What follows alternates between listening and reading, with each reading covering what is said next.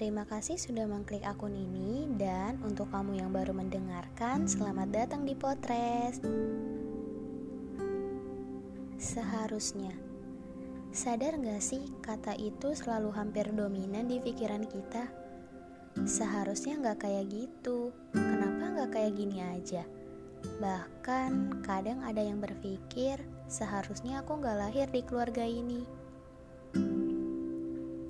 Padahal tanpa sadar, seharusnya yang kamu ingin itu belum tentu membuat hidupmu lebih bahagia dari hidupmu yang sekarang.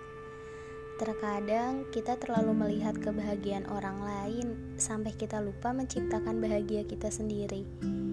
Bahkan kita terlalu fokus menyalahkan takdir sampai lupa akan banyak nikmat yang harus kita syukuri. Jika hidup isinya hanya untuk menyalahkan takdir dan terus berpikir seharusnya dan seharusnya, kayaknya hanya akan menyita waktu dan pikiran kita deh. Dan pasti akan terasa makin menyiksa. Dan 24 jam juga terasa singkat karena kita terlalu memikirkan hal yang sebenarnya gak harus difikirkan. Hal itu pun yang akan membuat kita bersugesti kalau hidup kita tidak bahagia dan kamu tahu kan, sugesti itu seberpengaruh itu untuk hidup kita. Ya, bisa dibilang bagaimanapun kamu menjalani hidup, perasaan tidak bahagialah yang akan kamu dapatkan.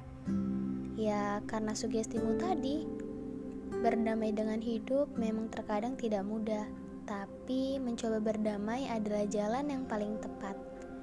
Jadi, mulai sekarang, apa pun masalah dan cobaannya, tanamkan ke dirimu sendiri bahwa kamu pasti bisa melewatinya tanpa harus ada kata seharusnya.